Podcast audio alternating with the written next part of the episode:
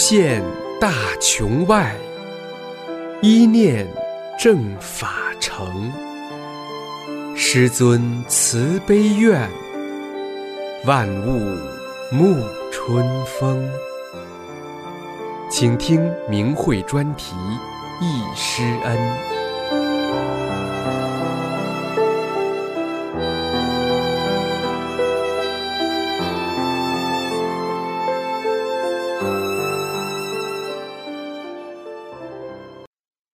请听明慧专题《忆师恩》文章，回忆师傅在陵园传法上，发表日期二零一五年七月二十八日，作者大陆大法弟子。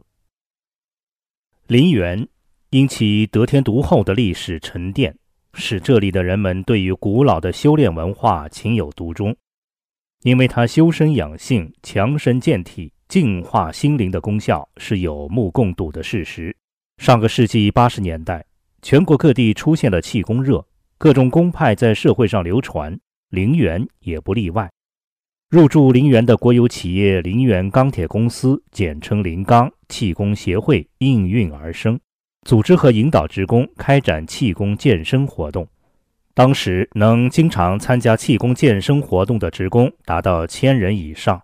所练的功法多达十几种，有很多职工通过气功锻炼起到了强身健体的作用，但也有部分人因练气功出现了精神障碍和身体健康的偏差，影响了工作和家庭生活。为了使职工气功活动能够正确发展，临钢工会从1992年开始加强了对各类气功资料信息的搜集和研究。通过对当时国内各种气功杂志和报刊的研究，临刚工会发现，1992年以来，法轮功成为当时中国气功发展最快、影响力最大的一种功派。《工人时报》《法制报》《中国体育报》等全国较大的报纸和《中华气功》《气功研究》等专业杂志，都以较大篇幅报道过，好评如潮。一千挑百选，最好还是法轮功。特别是一九九三年九月份，《中国体育报》登载的中国法轮功定于在北京二炮礼堂举办传授班的消息，引发了很多临钢气功爱好者的关注。一，临钢工会以出差名义派人去北京学法轮功。临钢工会以出差名义派出几名气功爱好者去北京参加传授班，要求他们认真地学好动作，再回来辅导其他职工。他们去北京后，因办班地点改在了安徽省合肥市政府礼堂，因此他们转到合肥参加了法轮功的传授班。由于参加传授班使他们的身心都受益很大，认为此功法是他们所接触的最好的功法，于是他们在办班期间向临钢工会领导打电话汇报参加学习班的情况，并请示能否同意李洪志师傅在临钢办一次传授班。工会领导们研究同意后，经过多次与法轮功研究会协商和联系，研究会同意于1994年2月22日至28日在临钢举办法轮功传授班。亲历此事的一位学员回忆道：“到合肥以后，不知为什么，我就是想见师傅。这强烈的愿望让我一早就赶到师傅住的旅馆。我站在一楼的吧台前，一定要等师傅下来，看看师傅什么样。”不一会儿，我就看到有人站在二楼。首先，我想到这就是师傅，就等着师傅下楼来。可是我看到的不是师傅从楼梯上走下来，而是师傅一下就来到我的跟前。师傅满面红光，慈祥地看着我。我终于见到了日夜想念的师傅，不知说什么才好。接下来在学习班上，师傅的讲法滋润着我的心田。让我们感到法轮功的无比美好，更激励我们一定要把师傅请到陵园，把法轮功请到陵园。有一天，我们见到师傅在一小吃部用餐，我们也进去了，等着师傅请他到陵园传功。一小会儿，师傅吃过饭，向我们走来，没等我们开口，就问：“大概意思是，领导支持不？有礼堂吗？”其实师傅早就明白我们的心思。这时，师傅身边的工作人员老刘告诉我们，师傅答应去陵园，只要有二百人就去，要在过年放假期间去。师傅这么爽快地答应了我们的请求，让我们高兴极了。合肥学习班结束之后，我们满载着喜悦的心情回到了陵园，向领导做了汇报。领导也非常高兴，没想到我们不虚此行，真的把师傅请来了。二，去北京接师傅的车解决了。一九九四年二月十八日正月初九，是过年放假后上班的第一天。上午刚上班，临钢工会就接到了北京法轮功研究会的电话。说李洪志师傅过年期间在石家庄办班，二十日才能赶到北京。如果乘火车去临钢，二月二十一日很可能赶不到临钢，这样将影响按时开班。于是提出能否派一辆车到北京去接一下师傅。当时由于临钢工会并没有专属的汽车，所以只能向公司办公室求助。临钢办公室出车的规定是比较严格的。一般不是公司级的领导是不允许使用公车的，因此工会领导比较为难。当年法轮功办班具体事宜皆由工会副主席负责，于是他就去找了当时的临钢办公室的于主任。于主任说：“赶巧了，明天公司派两辆车去北京，送公司宋经理和朝阳市政府秘书长、市经委、市冶金局的领导去南方考察。汽车将他们送到北京机场后。”将空车返回，因为乘车的都是公司和市里的领导。你如果用车，还是去找宋经理说一下。他要是同意，你就同他们一起进京。等他们上飞机后，你就可以用汽车把气功师接回来了。向宋经理汇报后，宋经理非常同意，就这样解决了接师傅的车辆困难，真是机缘巧合。三遇大雾，虚惊一场。林刚一行人二月十九日下午到达北京后，入住临钢驻京办事处。当晚，北京电视新闻播发：北京华北地区晚间到第二天白天有大雾，首都机场已停止所有飞机起降。这时，在临钢工会郭主席也看到了电视新闻，于是担心因大雾飞机不能起飞，怕宋经理一行滞留北京，汽车不能按时返回，影响办班。于是向北京打电话商讨对策，最后工会主席和副主席二人敲定：如果一旦宋经理一行不能启程，汽车不能返回，就在当地雇车接师傅回来。这一夜，副主席急得一宿没睡好觉。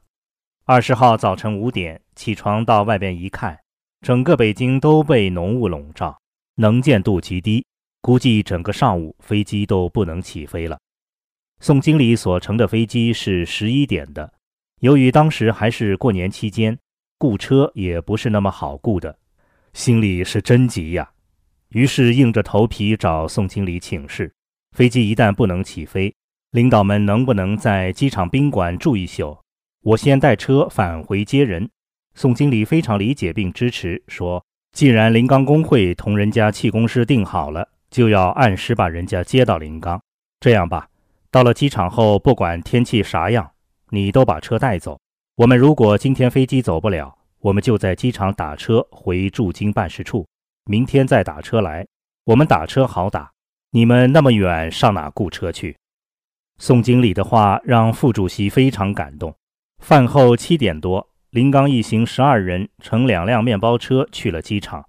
一路上始终大雾不散，能见度很低，汽车的速度很慢。同车的林刚总经济师跟副主席开玩笑说：“你今天请大师，他能不能保佑我们乘飞机不受影响啊？”宋经理说：“你别逗了，啥大师也不可能把大雾吹散呢。我们到机场去等吧。”因为大雾，平时一个多小时的路程走了两个多小时才到。赶到机场时，还是一片大雾。工会副主席把各位领导送进候机大厅，就带了一辆车回了驻京办。十二点多，另一辆车也回来了。司机说，上午的飞机都停飞了。到了十一点时，大雾散了，一片晴天。于是宋经理他们的飞机按时起飞了。当时驻京办的工作人员都感到宋经理他们太幸运了。今天的事有点奇。四。小城陵园迎来八方求道者。二十日晚上九点多钟，师傅乘车来到临冈宾馆后，一进大厅，来自全国各地的近百名法轮功学员等候欢迎师傅的到来。他们不分男女老少，都恭恭敬敬地站在大厅门前，双手合十，向师傅表达敬意。师傅也以单手立掌的手势欢迎他们来临冈参加法轮功传授班，并向他们表示问候。后来经过了解。这些人分别来自吉林、黑龙江、北京、河北、山东，最远的来自新疆和湖北。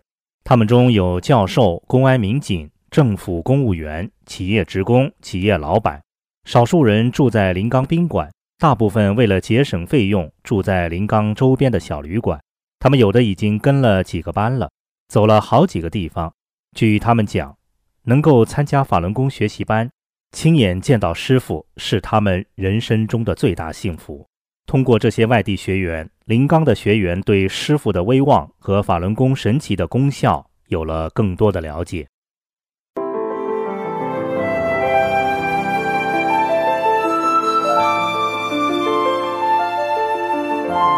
您现在收听的是明慧专题《易师恩》。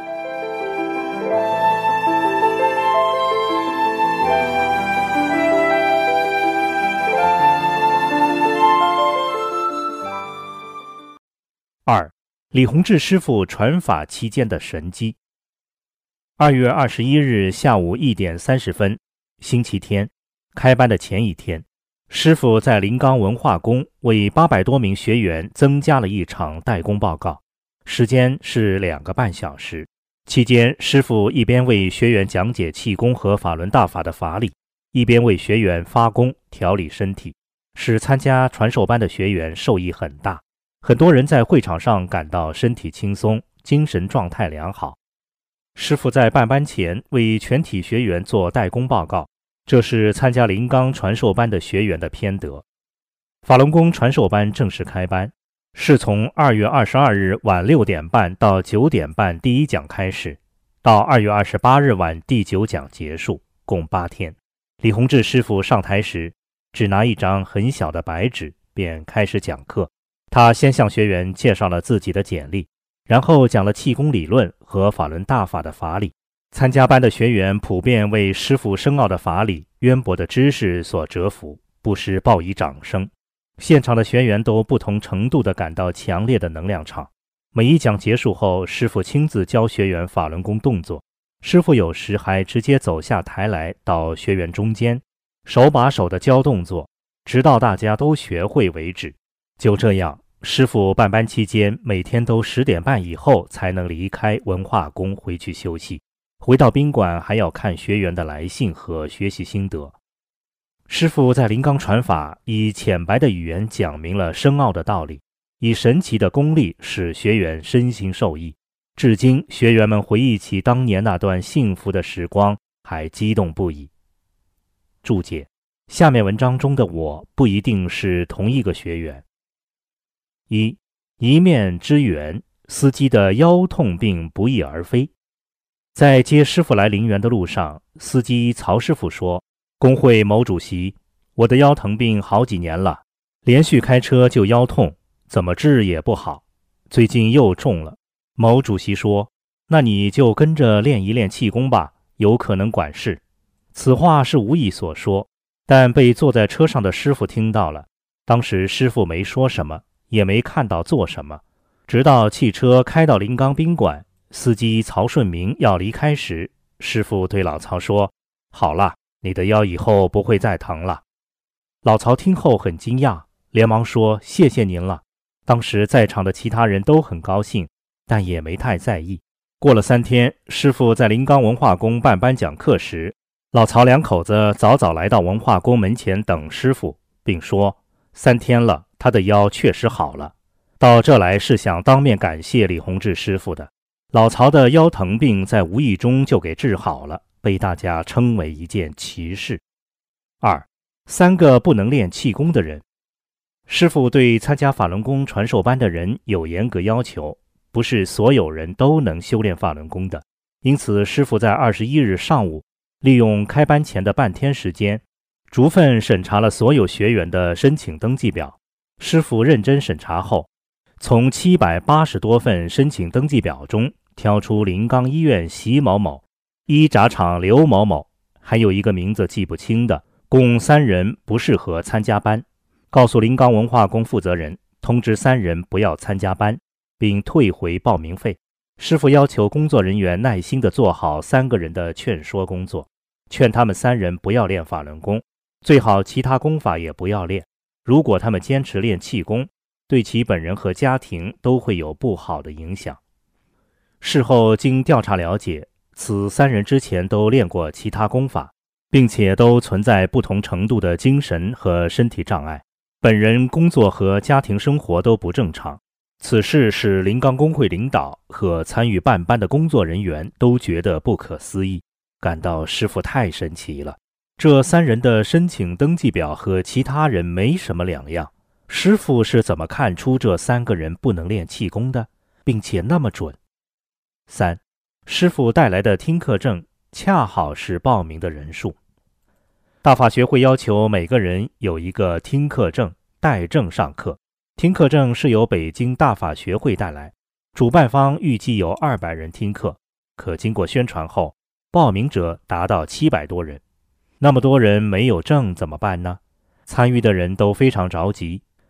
没想到师傅来后告诉大家带来七百多个证，正好是报名的人数。参与的所有人真是又惊又喜，终于让有缘人都能听到法了。四。师傅预先知道我们遇到的波折。当师傅讲完第四堂课后，特别是讲到了佛家功与佛教等内容，有位听课的临刚正宫系统的领导有些接受不了。他认为法轮功在宣传封建迷信，个别领导的批评和非议确实给工会领导带来很大压力。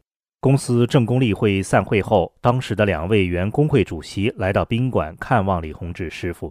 当打开房门后，师傅热情地招呼坐下。没等他们说话，师傅就主动说：“现在已经讲了四讲了，你们公司有的领导对我所讲的一些内容接受不了。今天你们是不是遇到难题了？我把我们公法研究会的证件资质给你们看一下，你们还可以复印备案，也可以让你们单位的法律部门验证一下，宣传部门也可以来我这里做一些采访。”师傅的一席话让他们很吃惊。刚刚开过会的内容，师傅是怎么知道的？参加会议的工会部门只有他们两名主席，不可能有人向师傅讲过呀。说着，师傅拿出了早已准备好的几本证书交给他们。证书中有国家民政部颁发的国家社团法人证书，中国气功科学研究会颁发的中国气功科学研究会直属公派证书。中国气功科学研究院直属气功师证书，北京市工商局注册并颁发的全国气功办班营业执照和收费资格证书，另外还有一些资质和奖励证书。看完这些证书后，他们的思想压力一下就没有了，也进一步证明中国法轮功是经国家注册登记的合法社团组织，法轮功在全国办班是合法的。随后，临钢报社对师傅进行了采访。记者小胡在临钢报上写了报道文章，并配了插图。接着，临钢工会、临钢报社、临钢司法处分别对法轮功和李洪志师傅的相关证件资质进行复印备案，使那名正宫系统的领导再也无话可说。五，照相机真的照不出图像来。师傅在给学员上课时，对学员首先强调要集中精力听讲，不要对师傅拍照。会场照相、录像只允许临钢工会安排专人进行，其他人员包括学员都不能在师傅上课时照相。如果不听劝阻，即使照了也照不出图像来。办班开始时，特别是第一节课时，有的学员没有把师傅的话当回事，有的也不信。非常不礼貌地对正在台上讲课的师傅拍照，相机闪光灯的闪亮和拍照声音，对讲课的师傅和全神贯注听课的学员都产生了影响。在这种情况下，师傅一般都提出了制止，指出个别学员这样做会影响上课秩序，并特意提出，凡是未经允许自行在会场拍照的，你的相机是照不出图像的。对师傅的批评，很多人开始不信，但实践证明，凡是在会场自行拍照的，都没有拍到任何影像。如一位坐在会场第三排中间、来自锦州市渔政局的学员，不听劝阻，在会场照了几次相，但第二天拿到照相馆冲洗时，发现胶卷里没有任何图像，才使他彻底信服。六，师傅准确画出红山女神像。李洪志师傅在临冈办班期间，基本上都是晚上讲法教功，白天活动不多。此期间，临冈工会曾几次邀请师傅去热水汤洗温泉，但每次都被师傅婉言谢绝。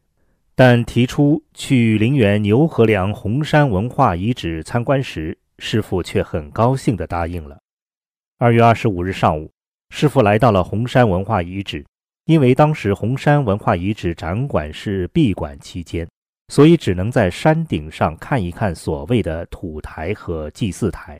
简单的看了一圈后，在没有任何人向他介绍红山文化概况的情况下，师傅就说出了这个遗址是五千五百年到七千年前的母系社会所留下的，并蹲在地上用树棍儿给大家画了一个女神像，其头发梳右边。眼睛很大，师傅还画了一个梯形的平台，给我们讲解此地的地形地貌、当时人类的服饰、经济等情况。这些都与陵园文化部门展出的红山女神照片和红山遗址构造形状非常相似。师傅对红山文化的揭秘和所画的女神像，让陪同参观的人感到惊奇。七，印证古老的传说。师傅告诉我们，陵园的山里有修道人，已经修了三千多年了。但你别找他，你也找不着。我们听了觉得很惊讶，因为这个传说一直在陵园的老辈人中流传，而中共无神论毒害下的人们都是视为笑谈的。师傅的话印证了这个古老传说的真实性。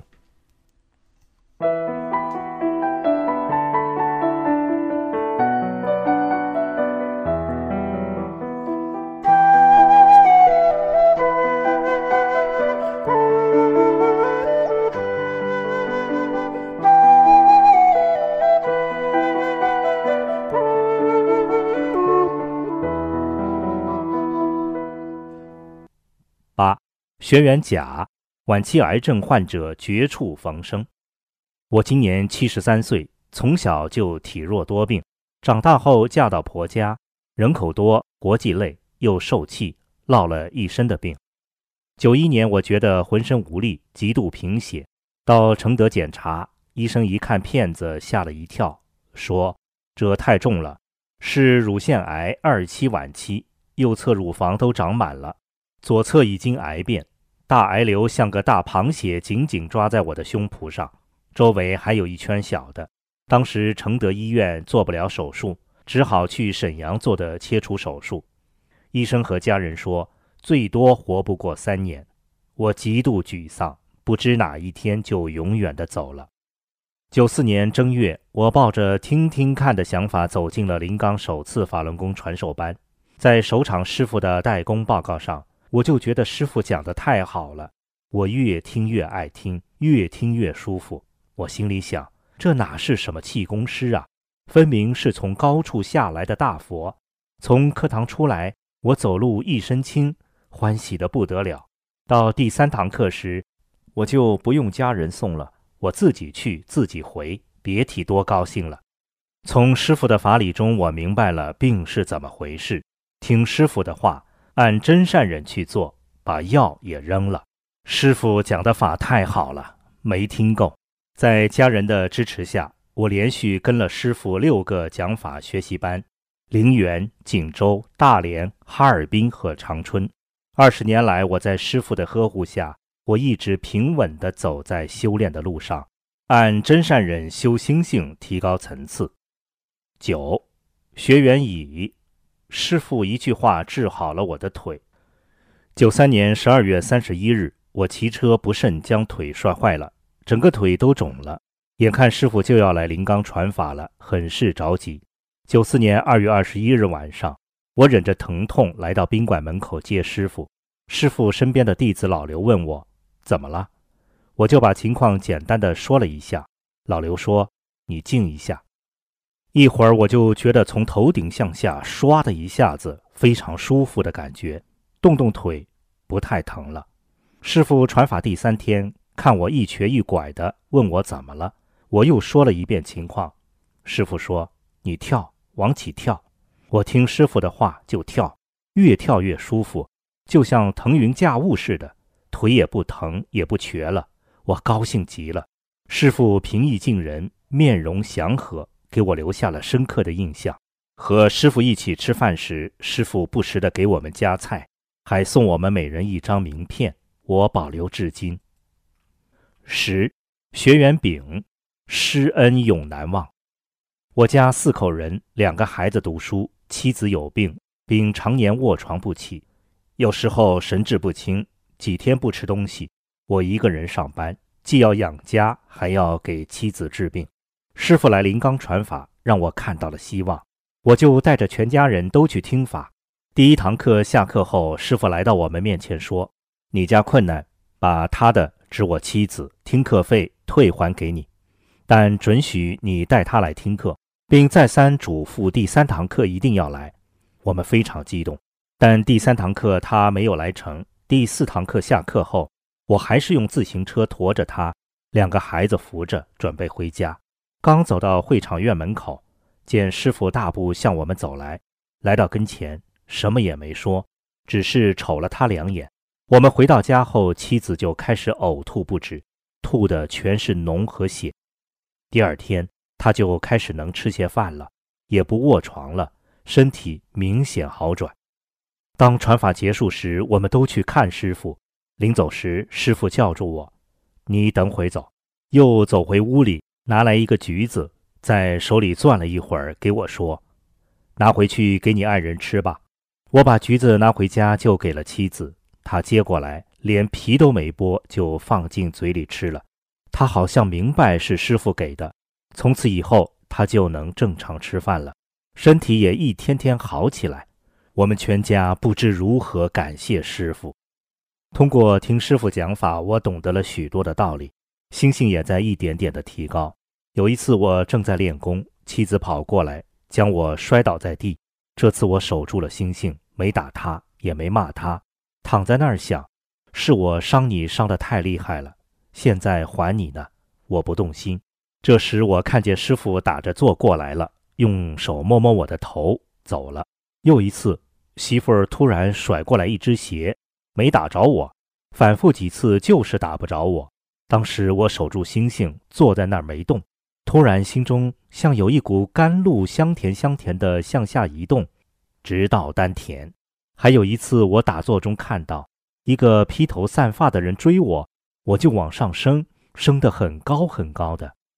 十一学员丁师傅拿掉了我身上的附体。师傅来临冈传法前两个月，我去同事家回来，特别难受，吃不下饭，睡不着觉，家人领我到沈阳、北京都看不好。看香的说：“我有附体了，是那个东西闹的，我非常痛苦，甚至不能上班，卧床不起。直到师傅来临冈传法，听到第三堂课时，我逐渐感觉舒服多了。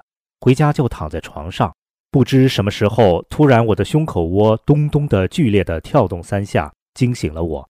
这时我才发觉我睡着了。胸口窝跳过后，身体前所未有的舒服，之后就开始能吃饭，能睡觉了。”以后我又连续跟了师傅四个班，身体逐渐好了起来。听了师傅讲法，我知道了，师傅拿掉了我身上的附体。我们全家人都对师傅的救命之恩感激不尽，从此兼修大法至今。十二，学员悟，顽症不翼而飞。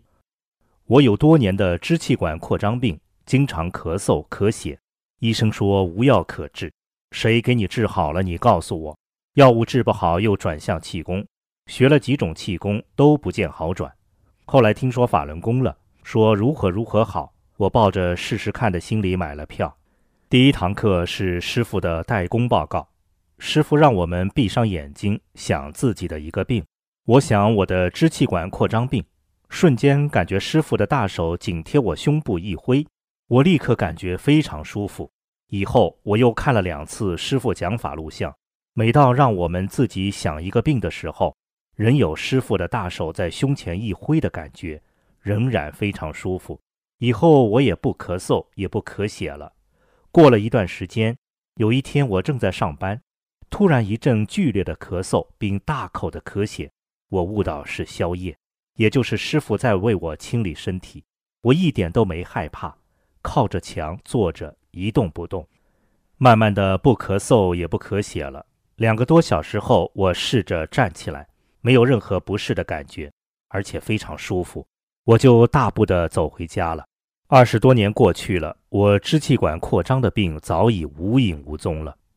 十三，学员几，我看到了手上的小法轮在转，不知什么原因，我的肚脐总是会往外流脓流水，越流越多。每次都能擦上半卷卫生纸，稍有动静就使我浑身阵痛，全身出汗。医生说这很危险，容易感染，引起烂肠子，需住院治疗。当时正赶上师傅来临冈传法，我有缘走进了课堂。在师傅的代工报告课上，师傅说：“你看你们的手，每个人的手上都有一个小法轮。”我真的看见了手上有一个小法轮在转，师傅又让我们想自己的一个病，我根本就想不起来我的肚脐的事了，就认为我没有病，想了家人一个病。随着师傅讲法，我的肚脐不知不觉的就好了，再也没犯过。十四，一位朝阳学员的回忆，在参加师傅讲法班之前，我是一个体弱多病的老人。患有十多种疾病，其中有骨质增生、肌肉萎缩、心脏病、风湿性关节炎、白癜风、腰腿痛，视力相当差。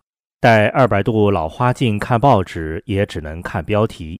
我第一次参加师傅的讲法传功班，眼睛就好了，老花镜也远离了我，其他各种疾病都不翼而飞。一九九四年正月初十，师傅应邀到临冈办班。这次我的小孙子也和我一同前来听法。他当年九岁，脾不好，吃不下饭，经常吃药。开班的头两天，师傅给他净化身体，从此他能吃能喝的，身体特别好。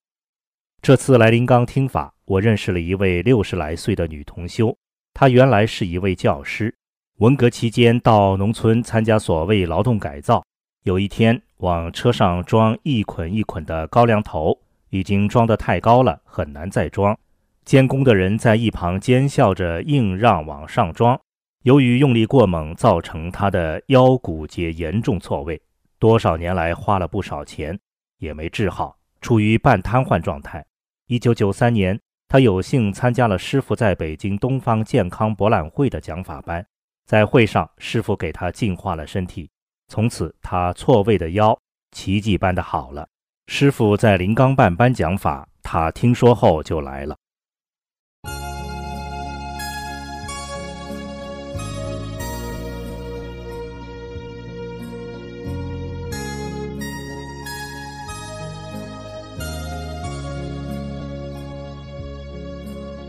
三，学员眼中的师傅，在学员的眼中，师傅是那么伟大而又那么平易近人，一切为别人着想。师傅的言传身教，学员们永远铭刻在心。一吃住不搞特殊化。师傅在临刚办班期间，本着一切为学员着想，生活一切从简，坚持不给承办方找麻烦的原则，在住宿、就餐方面都为所有人树立了榜样。师傅谢绝了临冈工会已安排好的临冈宾馆最高级的套间客房。坚持住宿在宾馆的普通客房，并谢绝了由临冈工会负责承担其在临冈办班期间的住宿费用的要求，完全由师傅和随行人员自行负责住宿费。在就餐方面，师傅到临冈后就提出一律不接受宴请，就是既不参加主办方临冈工会的宴请，也不参加学员的宴请。开始时，临冈工会在宾馆的二楼小餐厅安排了一个房间，每日三餐按宾馆接待上级客人的标准就餐，但是只吃了一顿饭后，师傅就提出，他和研究会的几名工作人员都在一楼大厅，同其他普通旅客一样，排队到买饭口买饭吃。后经临钢工会协商，由餐厅服务员负责把订好的饭菜端在餐桌上，这样就不需要师傅去排队了。在临钢期间，师傅和随行人员住宿、就餐费用全都是自理，没有由主办单位临钢工会掏一分钱。师傅的高风亮节、严于律己的做法，深深感动了临钢工会的领导和参与办班的工作人员，也感动了学员和宾馆工作人员。学员回忆之一：一九九四年二月二十一日晚上，我们日夜想念的师傅终于来了。住在临钢宾馆，晚饭时，临钢工会领导征求师傅的意见，是不是吃点素的？师傅很客气地说：“不用，吃什么都行。”于是吃得很随便。师傅没有任何要求。第二天，我与食堂打了声招呼，是不是为师傅做点素菜？当吃饭时，师傅看着桌上的素菜，很严肃地对身边工作人员老刘说：“做什么吃什么，不能搞特殊。”还招呼大家坐下来一起吃，师傅还为我们夹菜，要我们多吃，而师傅只吃了一小碗饭，一小碗汤。师傅知道我家困难，剩下的菜让我打包带回家。看到师傅这么平易近人，这么关心我们，让我们发自内心的感动，有种说不出的亲切。学员回忆之二，负责接待的领导很尊敬师傅。为师傅安排了两百元的高级房间，当时是最好的房间。师傅要求住普通间，领导不同意，说咱们报销。第二天早上，我为了看师傅去的比较早，亲眼看到师傅正在吧台自己掏钱交了二百元的住宿费，并搬出高间住进普通间。我看在眼里，记在心上。当领导要给我们报销去合肥请师傅来临钢传法的路费时，我们没有报，师傅为我们做出了榜样。我们是师傅的弟子，自己再困难，也不用公家报销。二，办班收费全国最低。师傅来到陵园后，首先对主办单位临钢工会办班收费情况进行了解，询问临钢工会是否按办班协议规定的标准收取学员费用。一场代工报告、九堂讲法和教功课共收五十元。平均每节课五元，这个办班费用在当时全国所有气功办班费用是最低的。对于已参加过班的老学员，每人只收四十元；经济困难的学员只收他们二十元。由于临钢工会在这之前对部分老学员也按五十元收取的，师傅一再要求将已多收的十元退还给老学员。三、课时安排为学员着想。师傅研究制定每天的上课时间时，听说学员的工作和参加传授班在时间上发生冲突后，提出利用晚上职工下班后和星期天的休息时间办班。于是商定，二月二十一日星期一下午为代工报告会，二十二日至二十八日办班时间定为每天晚上六点半到九点。这样就保证了林刚和其他单位的学员既能正常上班工作，又能专心地参加传授班。这种办班的时间安排在其他地方是没有的。师傅考虑到近百名外地学员的食宿和其他困难，就将二十八日星期天改为一天两节课，将时间缩短了一天，使他们能早日返家，并节省一些差旅费用。师傅考虑任何事情都是在为学员着想。四，饭桌上的一幕，我有幸聆听了师尊在陵园的讲法，师傅处处以身作则，令学员们特别感动，铭记在心。后来听同修讲，师傅来陵园传法时，他们和师傅一起吃过饭。一次，师傅在碗里有一个黑色稗子粒，师傅用筷子把它挑出来后，磕在饭桌上。拜子带出了一粒饭粒，师傅就把那个饭粒捡起来吃了。五，师傅满足所有学员的心愿。九天讲法班结束那天正好是星期天，这一天就在白天办班。学法班结束后，大家都想同师傅合影留念。有些学员直接找到临钢工会领导，要求把大家的意愿反映给师傅。临钢工会领导听了大家的要求后，觉得师傅同八百多学员合影难度很大，师傅不一定会答应。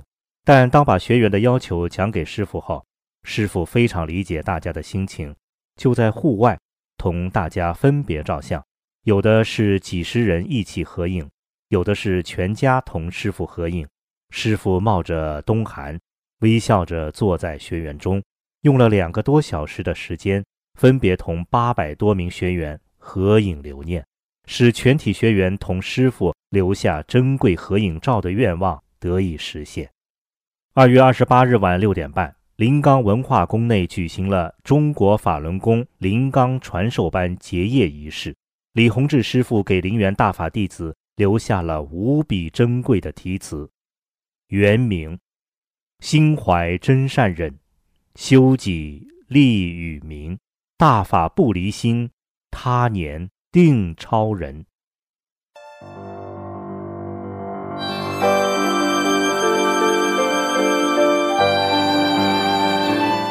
这次的易师恩就到这里，谢谢收听。